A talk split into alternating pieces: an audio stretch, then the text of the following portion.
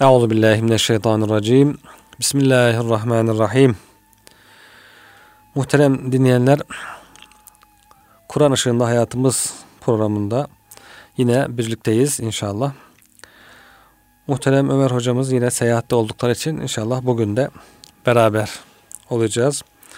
Yalnız olarak sizinle beraber olacağım. Hocamız katılamıyorlar bugün seyahatleri olduğu için.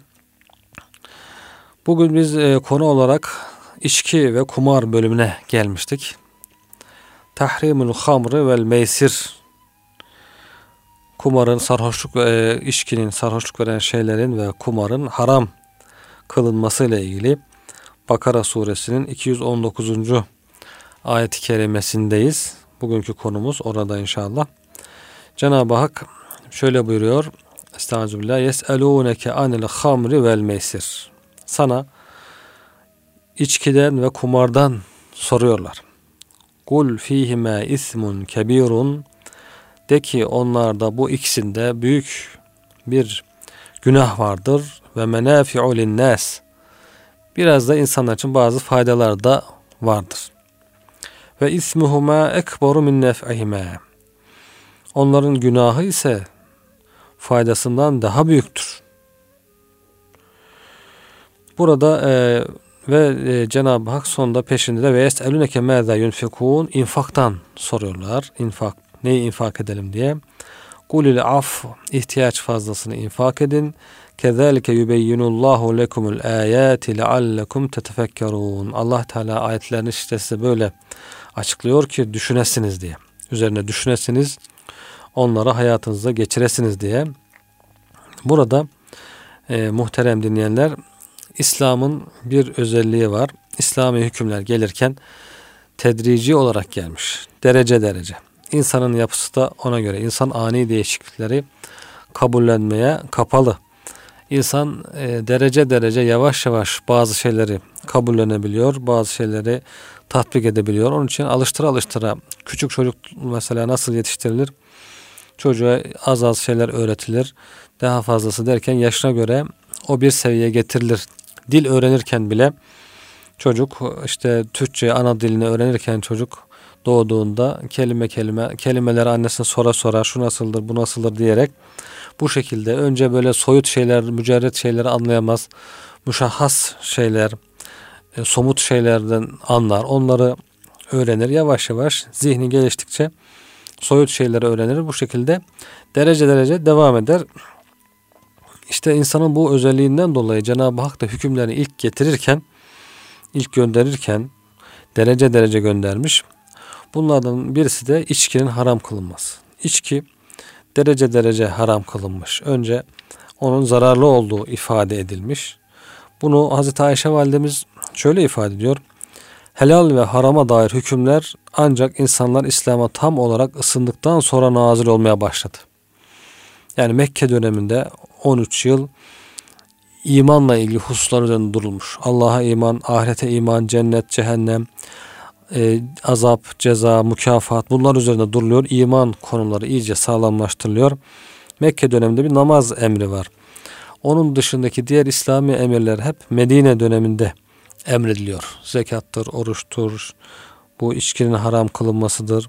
Bu üzerine okuduğumuz, bugün okuduğumuz ayet-i kerime ise Mekke'de nazil olmuş ama bir işaret veriyor. İşte onun için e, diyor ki insanlar imana tam olarak, İslam'a tam olarak ısındıktan sonra hükümler geldi diyor Hazreti Ayşe Validemiz. Eğer ilk defa içki içmeyin emri inseydi insanlar biz içkiyi kesinlikle bırakamayız derlerdi. İlk daha gelmiş ayet-i kerimeler hemen e, içki yasaklanıyor diyelim. İnsanlar bunu e, kabullenemezlerdi. Yine ilk olarak zina etmeyin emri gelseydi insanlar aynı şekilde zinayı asla bırakamayız derlerdi diyor. Bu sebeple de e, Cenab-ı Hak bu ayet-i kerimede ilk gelen Medine döneminde ilk gelen e, ikinci ayet-i kerime bu.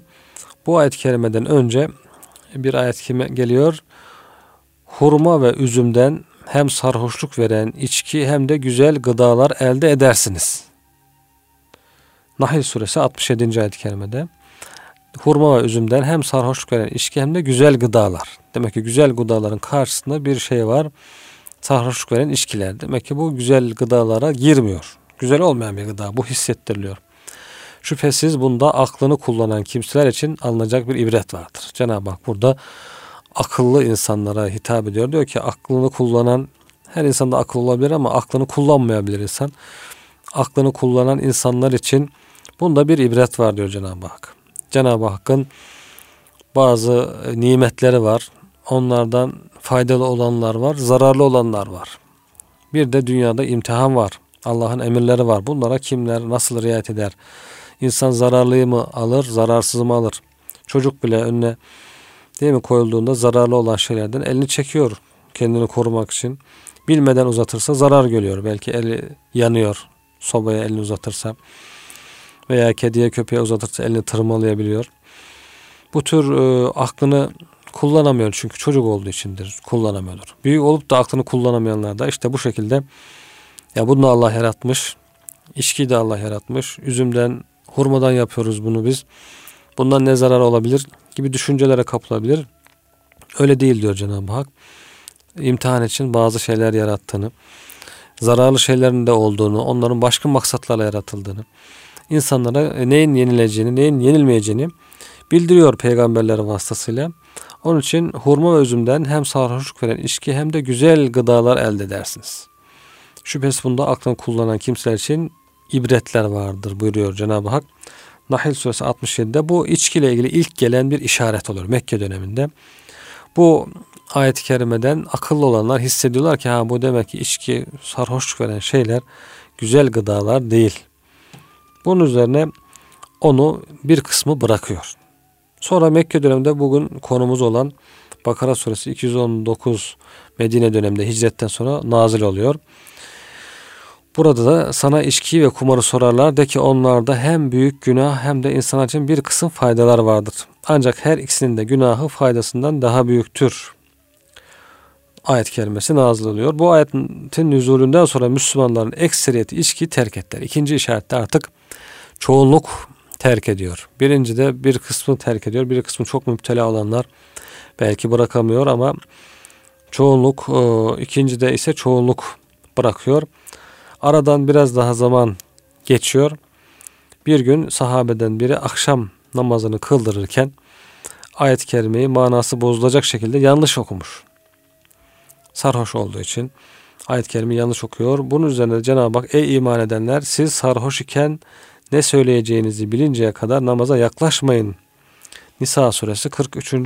ayet-i kerimeyi inzal buyuruyor. Üçüncü kademesi bu da içkinin kademe kademe Cenab-ı Hak insanları yavaş yavaş alıştırıyor. Bundan sonra Müslümanlardan içki içenler iyice azaldı. Artık tek tük az kaldı. Namaz kılınacağı zaman Fahri Kainat Efendimizin vazifelendirdiği bir kişi bir münadi sarhoş olanlar kesinlikle namaza yaklaşmasın diye nida ediyor. Müslümanlar artık içkinin kesin bir şekilde yasaklanacağını anlayarak buna hazır hale geldiler. Anlıyorlar ki bu gidişin sonu bunun yasaklanmasıdır. Bu güzel bir şey değil. Namazdan uzaklaştırıyor insanı. Güzelliklerden uzaklaştırıyor. Güzel yiyeceklerin içinde sayılmıyor. Onun e, günahının daha büyük olduğu ifade ediliyor. Zararı daha büyük, günahı daha büyük. Bu şekilde artık iyice e, kıvama geliyorlar. Bir müddet sonra artık Müslümanların çoğu içkiyi bırakıyor. Bazıları ise içki yüzünden karşılaştıkları nahoş hallerden muzdarip durumdalar. Bir kısmı işte içkili olduğu için kardeşiyle kavga ediyor. E, yanlış işler oluyor, yaralanmalar oluyor. Sonra kendisine geldiğinde pişman oluyor. Hazreti Ömer bu durumdan bütün insanlar rahatsız. Hazreti Ömer diyor ki Allah'ım içki hakkında bize açık ve kesin bir beyanda bulun diye dua ediyor. Hazreti Ömer firasetli çok zeki bir insan. Diyor ki ya Rabbi içki hakkında bize açık bir beyanda bulun da kesin olarak bu. Şimdi bu üç ayet-i kerimede de zararları bildirildi ama kesin olarak haram olduğu ifade edilmedi. Bu şekilde dua ediyor. Nihayet bir içki sofrasının ardından çıkan kavga. Bir kavga çıkmış ile içkinin kötülüğü daha müşahhas bir şekilde görülüyor. Artık içkinin yasaklanması kolaylıkla takdir edilebilecek bir hale gelmiş. İnsanlar da bunu zarar ince görmüşler. Bunun üzerine Cenab-ı Hak şu ayet-i kerimeyi Maide suresi 90-91. ayet-i kerime 4. merhalede bunu indiriyor. Ey iman edenler şarap, içki, kumar, dikili taşlar, putlar, fal ve şans okları, şeytan işi birer pisliktir. içki, kumar, dikili taşlar, put olarak dikilen, işte kurban kesmek için, yanında kurban kesmek için dikilen taşlar, cahili adet olarak, bir e, bozuk bir inanç olarak. Bunlar fallar, fal ve şans okları. Bugün maalesef bunlar çok yaygın. Her tarafta insanlar bir de il, ilim çağı, bilgi çağı, e, modern çağ, ne bileyim çağdaşlık gibi ifadeleri kullanırlar. Geçmişi, tarihi küçük görürler belki ama bugünkü fal ve şans oyunları, okları cahiliye dönemini kat kat geçmiş durumda. Bu nasıl bir ilerleme, bu nasıl bir bilgi çağı onu da düşünmek gerekiyor hakikaten. Bütün insanların kendisini çok çağdaş, asri zanneden insanların gazetelerinde, okudukları gazetelerde fallar, ondan sonra şanslar, şans oyunlarının reklamları, bütün sokaklarımızda işte kumar oyunlarının, şans oyunlarının reklamları, piyangolar, şunlar bunlar yayılmış, almış başını gidiyor. Yani cahiliyeden daha ileri bir seviyede. Bunu da hakikaten insanlar konuşurken diyorlar ki ya insan e, ilk zamanlar insanlar bilgisizmiş, cahilmiş, şimdi gelişti. Bu bilgi çağında artık insanlar onların düştüğü hatalara düşmezler gibi böyle düşünceler söyleniyor çoğu zaman. Onun için e, onlara şunu söylemek lazım. Yani bugünkü topluma insanlara bakın cahiledeki insanlarla bir mukayese edin. Cahiledeki insanları daha belki kat kat geçtiklerini göreceksiniz. O zaman demek ki İslam'ın hükümlerine uymaktan yani bazı İslam'ın hükümleriyle ilgili karar verirken bunu söylüyorlar. Yani İslam bu hükmü koymuş ama bu o cahil insanları terbiye etmek için konulmuş. Artık şimdiki insanların böyle bir hükme ihtiyacı yok gibi bazı e, sapık insanların iddiaları olabiliyor. O insanlara bugünkü sapık insanların cahiliyi kat kat geçtiğini de göstermek gerekiyor hakikaten. Kendileri de görüyorlar belki ama akıllarını kullanıp da onu düşünemiyorlar. Cenab-ı Hak öyle buyuruyor. İşte bu şarap, kumar, dikili taşlar, fal ve şans okları şeytan işi birer pisliktir. Çok ağır bir ifade hakikaten. Şeytan işi birer pislik. Hem pislik hem şeytanın işi. Bunlardan uzak durun ki felaha, felah bulasınız. Kurtuluşa eresiniz. Çok açık bir ifade hakikaten. Bunlardan uzak durun ki felaha eresiniz. Bakıyorsunuz hakikaten yılbaşı yaklaştığında böyle bütün insanlar hemen piyangoya koşuyor. Piyangodan bir şey çıkacak diye kumara koşuyor. Büyük harama koşuyor. Bakıyorsun bazen sakallı bir hacı emmi bilet satıyor. Kumar bileti satıyor. Piyango bileti satıyor.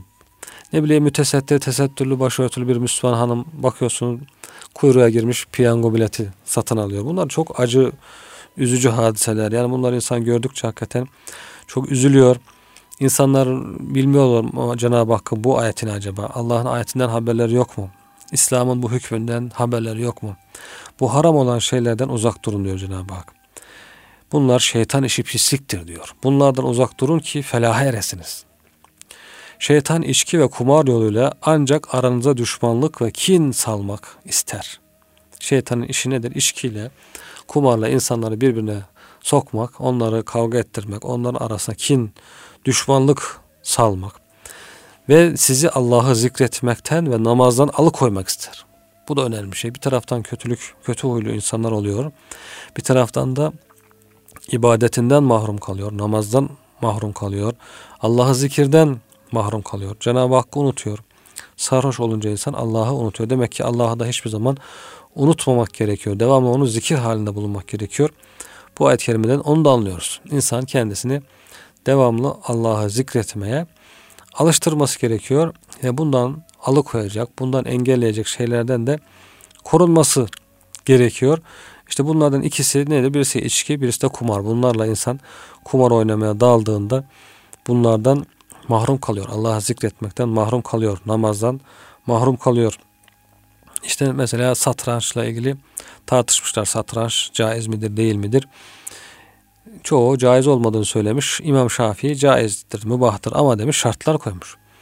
İnsan diyor ağzına dikkat edecek, e, kötü söz söylemeyecek, arkadaştan karşı taşkınlık yapmayacak, namazından geri kalmayacak. O oyunu oynuyorum diye namaz kılmaktan geri kalmayacak, namazını geçirmeyecek. Zamanını boş olarak çok fazla aşırı bir şekilde zaman harcamayacak. Böyle şartlar olursa o zaman diyor olabilir diyor. İmam Şafii. Ebu Hanife olsun, İmam e, Hanefi mezhebi olsun diğerleri caiz olmadığını söylüyorlar. Tahrimen mekruh olduğunu söylüyorlar. E, bakıyorsunuz hakikaten insan o oyuna bir daldığında saatlerce ne namaz aklına geliyor ne Allah'ın zikri aklına geliyor. Hiçbir şey aklına gelmiyor. Bir de e, kumar mahiyetine kim kazanırsa o şunu öder gibi böyle bir şey de olmaması gerekiyor. Öyle olursa zaten doğrudan kumar oluyor. Kumar nedir? Bir oyunda bir taraf kazanan taraf bir şey alıyor, kaybeden taraf bir şey veriyor, zarara uğruyorsa böyle bir durum söz konusu ise bunun kumar olduğu ifade ediliyor. Nasıl bir oyun olursa olsun yani basit bir koşu bile olsa şuradan koşalım kim geçerse o bana geçen versin, geçemeyen geçemeyen versin, geçen kazansın. Böyle bir şey olsa bile bu koşma bile kumar olur. Bu da böyle bir haram işin içine girmiş oluyor. İşte Cenab-ı Hak diyor ki şeytan bu içkiyle, kumarla aranızda düşmanlık ve kin. Hiçbir zaman tabii ki kaybeden taraf, kazanan tarafa da sevgi beslemez. Bu da kesin bir durum. Kaybeden hep kinlenir, düşmanlık beslemeye başlar, intikam hırsıyla dolar. Bu da insanın dengesini bozar, alt üst eder. Kalbi duygularını alt üst eder. İnsanlar arasında düşmanlık salar. Artık bütün bunlardan vazgeçtiniz değil mi? Cenab-ı Hak diyor ki bu kadar açık bir şekilde zararını gördünüz artık bunlardan vazgeçtiniz değil mi? Maide suresi 90 ve 91. ayet-i kerimeler. Resulullah sallallahu aleyhi ve sellem Hazreti Ömer'i çağırıp ona bu ayetleri okuyor. Çünkü o çok ısrarla dua ettiği için artık vazgeçtiniz değil mi kısmına gelince o vazgeçtik, vazgeçtik ya Rab diyordu Hazreti Ömer. Hazreti Ömer radıyallahu an ile birlikte bütün Müslümanlar da artık içkiden, kumardan vazgeçtik. Ey Rabbimiz diyorlardı. Bu ayetler nazil olunca Peygamber Efendimizin emriyle bir münadi nida, nida eden bir insan haberiniz olsun ki içki haram kılınmıştır diyerek sokaklarda sesleniyor. Tulumları delinip boşaltılan, küpleri kırılıp dökülen içkiler Medine sokaklarında sel gibi akıyor diyor. O zaman insanın evlerinde küpler var. Turşu küpleri gibi içki küpleri var. Hemen diyorlar ki haram mı? Haram. Hemen döküyor onu çıkarıyor evin dışına döküyor diyor. O Medine'nin sokaklarında böyle su birikti, içkiler aktı ve bir daha da içilmedi. Hazreti Enes anlatıyor genç, küçük yaşta Ebu Talha üvey babası onun evinde diyor insanlara sakilik yapıyordum. İçki veriyorum insanlar gelmiş misafirleri. Haram değil daha. İçki haram o esnada içki haram kılındı. Allah Resulü sallallahu aleyhi ve sellem bir sahabeyi emretti. O da insanlara bunu duyurdu sokaklarda. Biz evdeyken vazifeli sahabenin sesi geldi. Ebu Talha çık da bir bakıver şu ses neyin nesidir? İşte bir anons var, bir ilan var. Dışarıdan bir ses geliyor. Bak bakalım oğlum nedir bu ses diyor. Çıktım baktım ve bir münadi dikkat edin içki haram kılınmıştı diye nida ediyor dedim. Bu ayet kerimeden sonra artık Efendimiz bu ayetin hükmünü bildiriyor sokaklarda.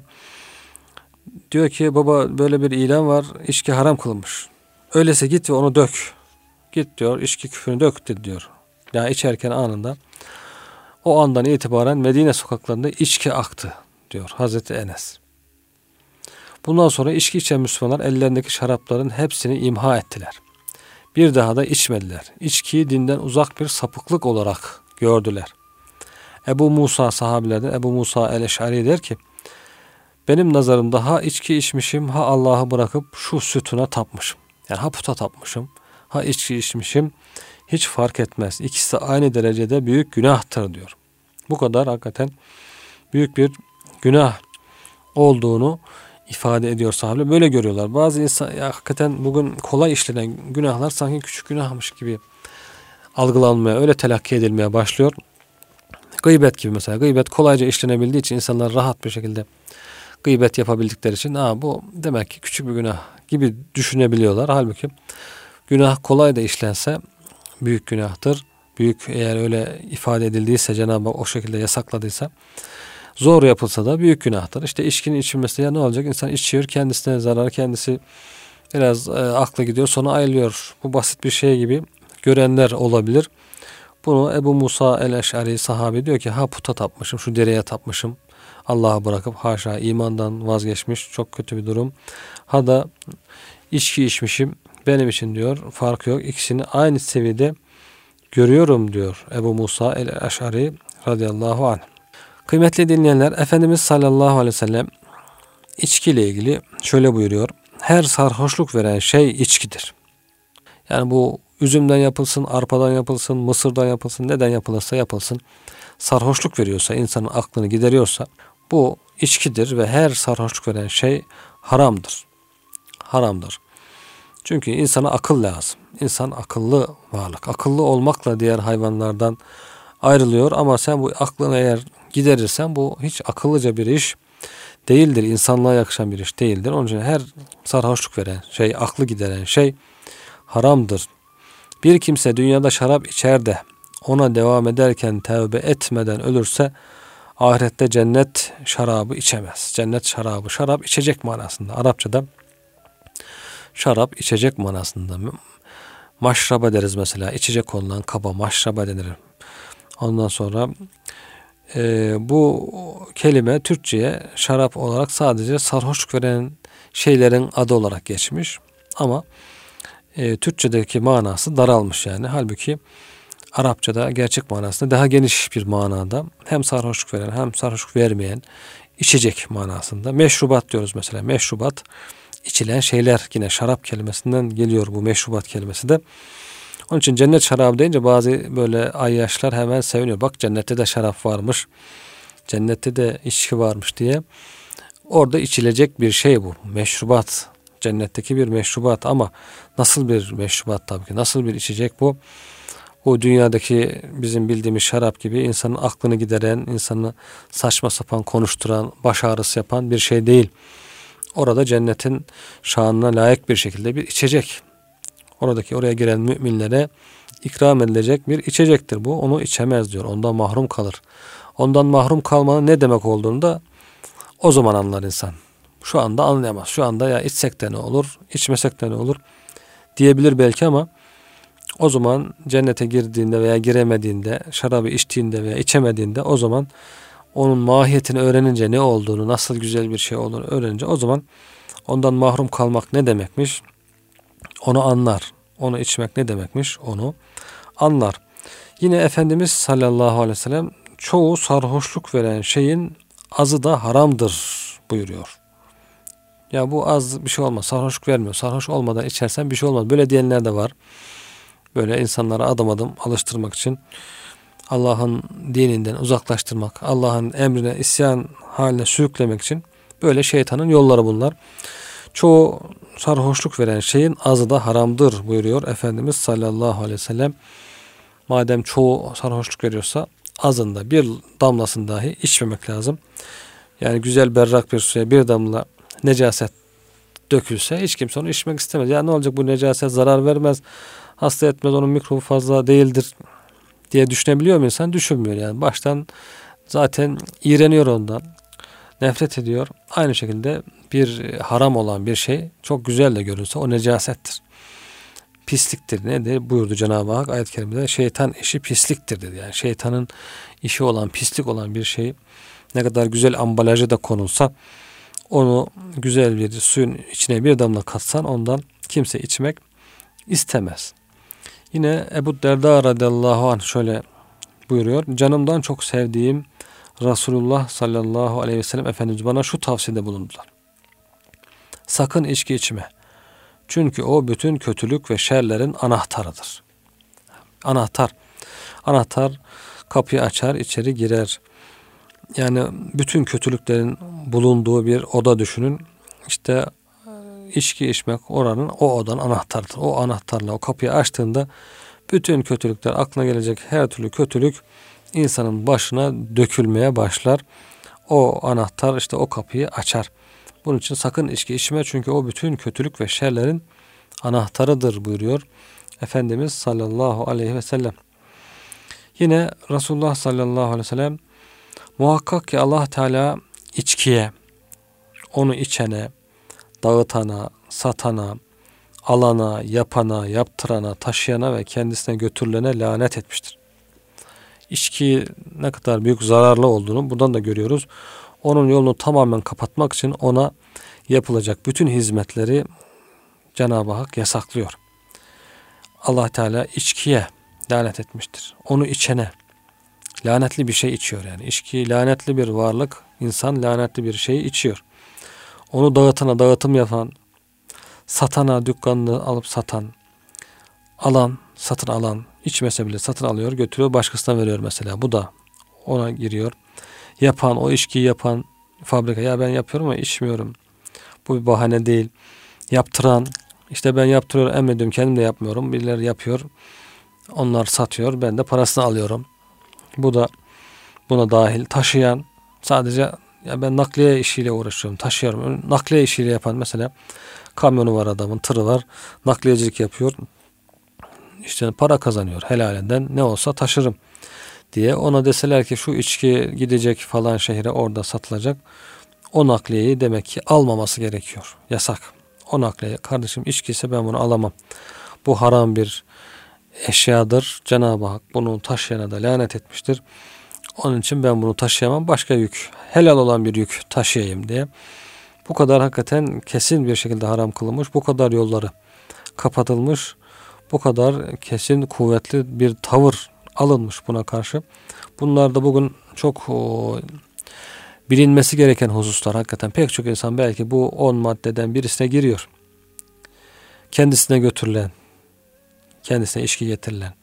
Yani bu içkiyle ilgili nakliyecilik, taşımacılık, satmak, almak, yapmak, yaptırmak, onun işlemlerini yapmak. Yani bir harama yardımcı olmak.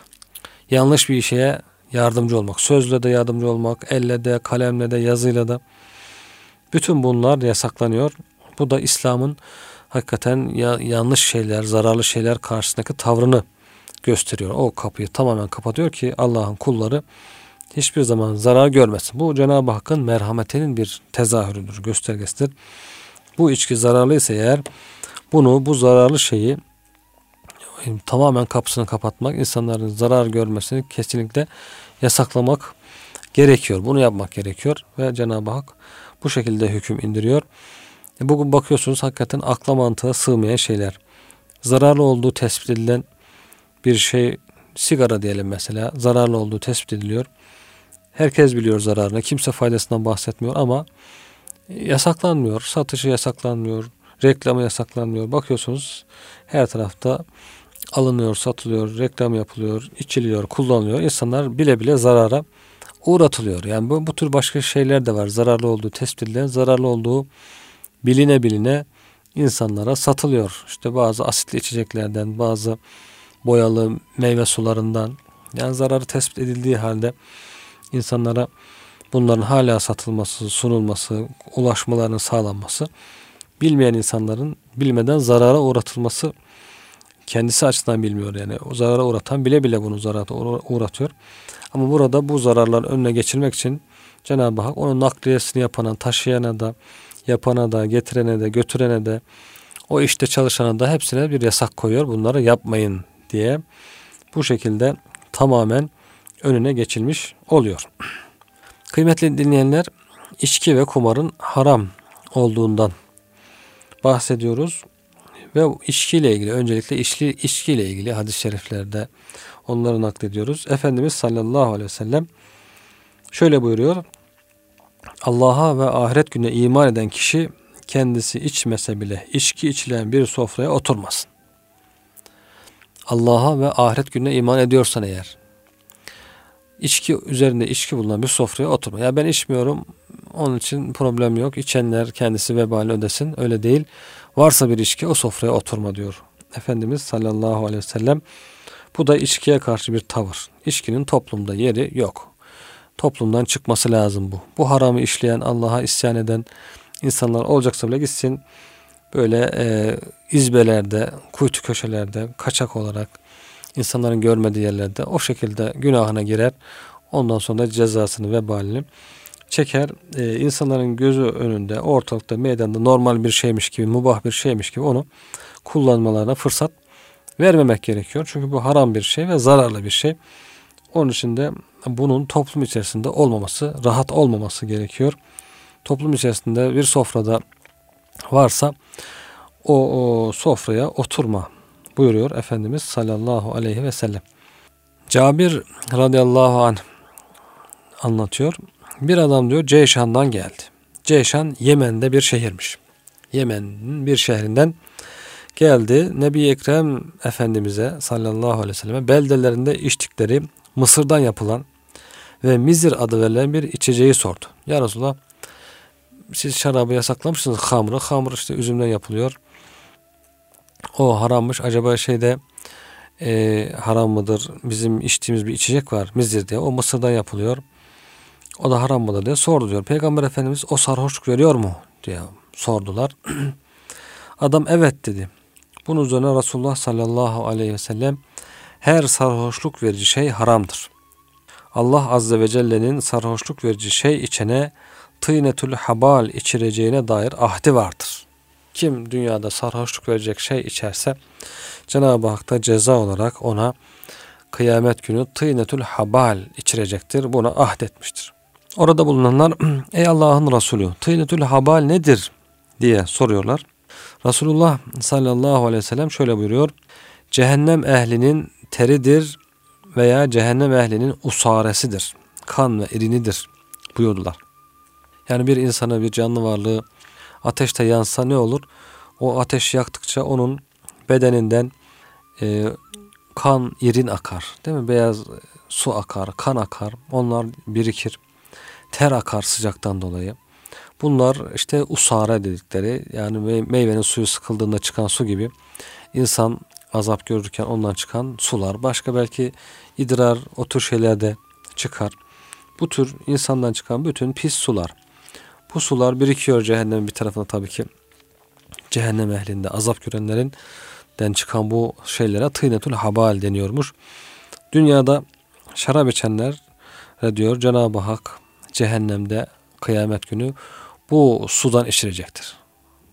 Bu düşünelim yani şeyin ne kadar necis olduğunu, şarabın, içkinin ne kadar pislik olduğunu bu tarif ediyor işte. Nasıl bir pisliktir diye sorarsanız işte insandan çıkan bütün kan, irin, pislik, idrar, bunların toplamı ter, bunların toplamı nasıl bir içecek olursa, nasıl bir pislik olursa işte içki de böyle bir pisliktir. Böyle bir necistir, necasettir. Bunu, bunu içiyor insan. Normalde belki ambalajlanıyor, süsleniyor, güzel gösteriliyor ama insan bunu içiyor. Ve içtiği bu içkide hem kendisine zarar veriyor hem topluma zarar veriyor. Bu şekilde e, bütün insanlar zarar görmüş oluyor. Cenab-ı Hak da insanları, kullarını bu zarardan korumak istiyor. Bir husus daha var kıymetli dinleyenler. Bu o, içki meselesinde Efendimiz sallallahu aleyhi ve sellem buyuruyorlar ki ümmetimden bir takım insanlar farklı isimler verip şarabı içecekler. Yani farklı isim vererek bu şarap değil işte bu ne bileyim başka bir isimde de şu isimde bir şeydir. O şarap değildir. İslam'da yasaklanan şaraptır. Bazı insanlar bu tür şeyler söyleyebiliyor. O zaman farklı isimler koyarak onu sanki helalmiş gibi göstermeye çalışarak onu içecekler diyor. Hakikaten bu mucizevi beyanı peygamberimizin bugün gerçekleşmiş durumda.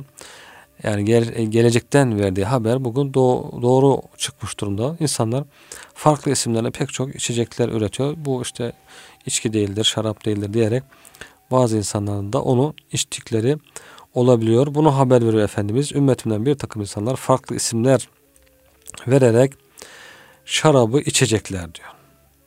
Dolayısıyla çeşitli bahanelerle içkiye fetva almaya çalışanlar kendilerini kandırmaktan başka bir şey yapmazlar. Diğer taraftan Resulullah sallallahu aleyhi ve sellem Efendimiz içkiye müptela olup da tevbe etmeden ölen kimselerin tevbe etmeden ölenlerin cennet şarabından içemeyeceğini haber veriyor. Hatta bir başka hadis-i şerifte içki tiryakisi olan kimselerin cennete giremeyeceği de ifade ediliyor. Müdminül hamr, içki müptelası olanlar cehenneme, cennete giremezler buyuruyor. Onun için bu tür günaha bulaşan insanların en kısa zamanda hakikaten bir yolunu bularak mutlaka tevbeye yönelmeleri, tevbeye koşmaları, tevbe etmeleri gerekiyor. Tövbe ederlerse Cenab-ı Hak affediyor. Cenab-ı Hak bütün tevbeleri kabul eder, affeder. Onlar da bu günahtan, bu vebalden kurtulmuş, cehennem azabından da kurtulmuş olurlar. Burada kıymetli dinleyenler haram kılınan ikinci hususta kumardı. Kumarda haram olduğu burada ayet-i kerimede açıkça ifade ediliyor. Alimler de kumarın her çeşidinin haram olduğu üzerinde ittifak etmişler. Çünkü Allah Teala gul fihime ismun kebirun buyuruyor. Onların ikisinde büyük günah vardır. Kumar nedir? Her türlü oyundur diyor. Bir tarafa kazanç sağlayan, bir tarafın kaybetmesine sebep olan her türlü oyun kumardır. Bu tavla da olabilir. Tavlayla da bir insan bir taraf kazanır, bir taraf kaybedebilir. Satranç da olabilir. Satranç da bir taraf kazanır, maddi olarak bir şey kazanır, bir taraf kaybedebilir. Başka türlü oyunlar da olabilir. Ya at yarışı da olabilir. İnsanların kendi yarışı da olabilir. Başka türlü insanlar yeni iyi oyunlar icat etmişler olabilirler. Burada maksat bir oyun sebebiyle bir tarafın zarara uğraması, bir tarafın kazanması. Bu bir e, ticaret değil. Oturduğu yerden kolaydan bir para kazanma yolu. Halbuki Cenab-ı Hak kullarının çalışarak, alın teriyle, ter dökerek, ellerinin emeğiyle ticaret yaparak geçinmelerini istiyor. Ticarette insan bir gayret sarf ediyor, bir mal getiriyor, götürüyor, alıyor, satıyor. O şekilde bir kazanç elde ediyor. Ama bu tür oyunlarla kısa yoldan köşe dönmek işinde ise e, rahat bir e, kazanma yolu bazı tarafında rahat bir şekilde kaybetme, zarara uğrama durumu söz konusu. Tabii ki bu kazanan insan da hep kazanıp durmuyor. O da bir müddet sonra kaybediyor. Bu şekilde yani kendisi de kazançlı olmuyor her zaman. Kendisi de mutlaka zarara uğruyor. Bu sebeple bu tür e, bir zararlı şeyi de Cenab-ı Hak yasaklamış oluyor. Başta da belirttiğimiz gibi hakikaten e, toplumumuzda bunlar çok yaygınlaştı. Her sokak başında bir kumar reklamı görmek mümkün. Bunların da e, haram olduğunu insanımız Müslüman olanlar bilmesi lazım. Yani biz burada Allah'a ve ahiret gününe iman eden Müslümanlar için konuşuyoruz. Müslüman değilse zaten onlar için e, bir söz konusu değil, haramlık söz konusu değil. Onlara ilk farz daha iman farz. İman etmedikleri için başka hükümler onlar için zaten e, geçerli değil, sorumlu değiller bundan. Öncelikle imanla sorumlu o insanlar. İman ettikten sonra bu hükümler. Peki iman etmedik biz de o haramlardan, o sorumluluktan kurtulduk, rahatı erdik mi? Değil. İman etmeyen insan zaten hiçbir zaman cehennemden çıkma ümidi olmuyor ki bu da en büyük cezalardan birisi. Dolayısıyla mümin olan insanların bu haramlara dikkat etmesi gerekiyor. Bunlar haramdır. Bunların reklamına aldamamak gerekir. Bunlara destek vermemek gerekiyor. Bunlara girmemek gerekiyor. Bu kumara hatta çocukların diyor cevizle küplerle oynadıkları oyunlar bile dahildir. Eğer çocuklar bunda ceviz alıp veriyorsa ben kazandım bir ceviz aldım sen kazandın bir ceviz aldın gibi bu bile diyor kumara girer. Bütün bu o, tehlikeli oyunlar, kumar oyunları ise işte zarara uğratan insanlar, zarata uğranlar ise haram kılınmıştır. Kumarın her çeşidi bir tarafın kazandığı, bir tarafın kaybettiği her çeşidi haram kılınmış. Zaten e, tavlanın tavla ile ilgili olarak kumar gibi böyle kazanma kazanmama durumu olsa bile kumarın haram olduğu zaten ifade edilmiş. Çünkü hadis-i şerifte men la'ibe bin nerdi fakat asallaha ve rasulehu kim tavla oynarsa Allah'a ve Resulüne isyan etmiştir diye. Tavlayı insanlar kazanma, kaybetme durumu olmadan bile herhangi bir para durumu, maddi menfaat durumu olmadan bile oynasalar bu e, bunun haram olduğu zaten ifade edilmiş. Satranca gelince satrancı yine e, mezhepler haram, tahrime mekruh görüyor. Şafii mubah olduğunu söylüyor İmam Şafii. Onda şartları var. Onun şartları ise satranç oynarken bir para durumu, menfaat durumu olmayacak. Diline sahip olacak insan. Dilinde bir taşkınlık, kötü söz olmayacak. Namazını geçirmeyecek, namazını unutmayacak. Bu tür şartlar gerçekleşirse o zaman bu diyor e, satranç helal, mubah olabilir. Kumar cinsinden sayılmayabilir diye İmam Şafii o şekilde mubah olduğunu söylemiş. Evet muhterem dinleyenler Bakara suresinin 219. ayet kerimesinde Cenab-ı Hak sana içkiyi ve kumarı sorarlar. Onlarda e, büyük bir günah vardır. Bazı faydalar da vardır. Günahlar faydasından daha çoktur diye buyurmuştu. Bu içkiyle ilgili ayetlerin ikinci kademesi olduğunu ifade etmiştik. Bundan sonra dört kademede içkinin haram kılını söyledik. Ve eselûneke mâzâ yunfekûn sonra ayet kerimenin devamında sana neyi infak edeceklerini soruyorlar.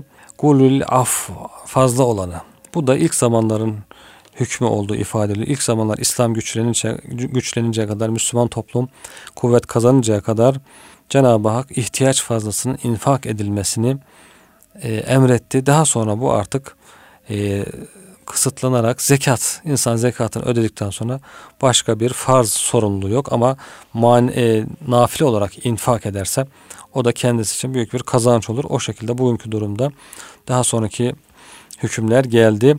Bu zekat emrinden önceki hüküm olduğu ifade ediliyor.